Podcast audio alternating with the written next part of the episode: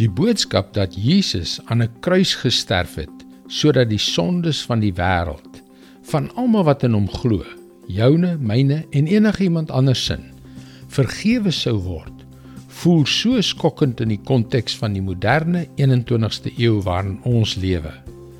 Hallo, ek is Jockey Gouchee vir Bernie Diamond en welkom weer by Vars. Aan die een kant lyk dit asof elke moderne mens 'n selfoon in hul sak het. Aan die ander kant is daar 'n ou verhaal van 'n man wat beweer dat hy God is, homself aan 'n kruis laat vasspyker het en na bewering weer opgestaan het.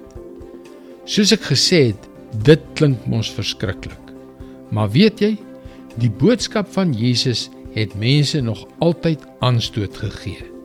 Jesus het mense aanstoot gegee. Dis waarom hulle hom gekruisig het. En dit is hoekom die apostel Paulus die volgende geskryf het in 1 Korintiërs 2 vers 1 tot 5.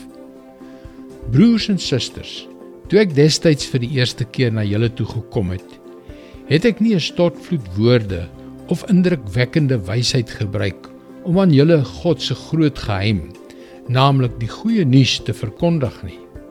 Want ek het besluit om as ek by julle is, net op Jesus Christus te konsentreer en veral op sy kruisdood. Ek het na julle gekom in swakheid, angstig en vol huiwering. My boodskap en my prediking was bitter eenvoudig. Ek het julle nie probeer ooreed deur geleerde welsprekendheid nie, maar deur die Heilige Gees wat kragtig onder julle gewerk het. Dit het ek gedoen sodat julle geloof nie sou berus op menslike geleerdheid nie, maar op die krag van God. Die Korintiërs was beslis nie positief oor dit wat Paulus verkondig het nie. Maar soos Charles Spurgeon dit een keer gestel het, laat die honde blaf, dis in hul aard. Gaan voort om Christus as die gekruisigde te verkondig. Soms voel ons senuweeagtig om mense van Jesus te vertel. Paulus was swak en het gebewe van vrees.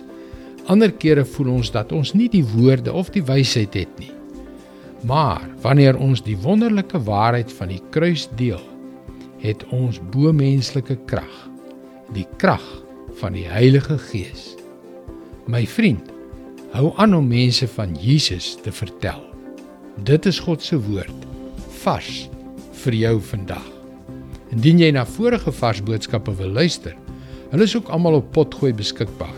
Soek vir vars vandag op Google of op 'n Potgooi platform soos Spotify en luister weer môre op jou gunstelingstasie na nog 'n vars boodskap. Mooi loop. Tot môre.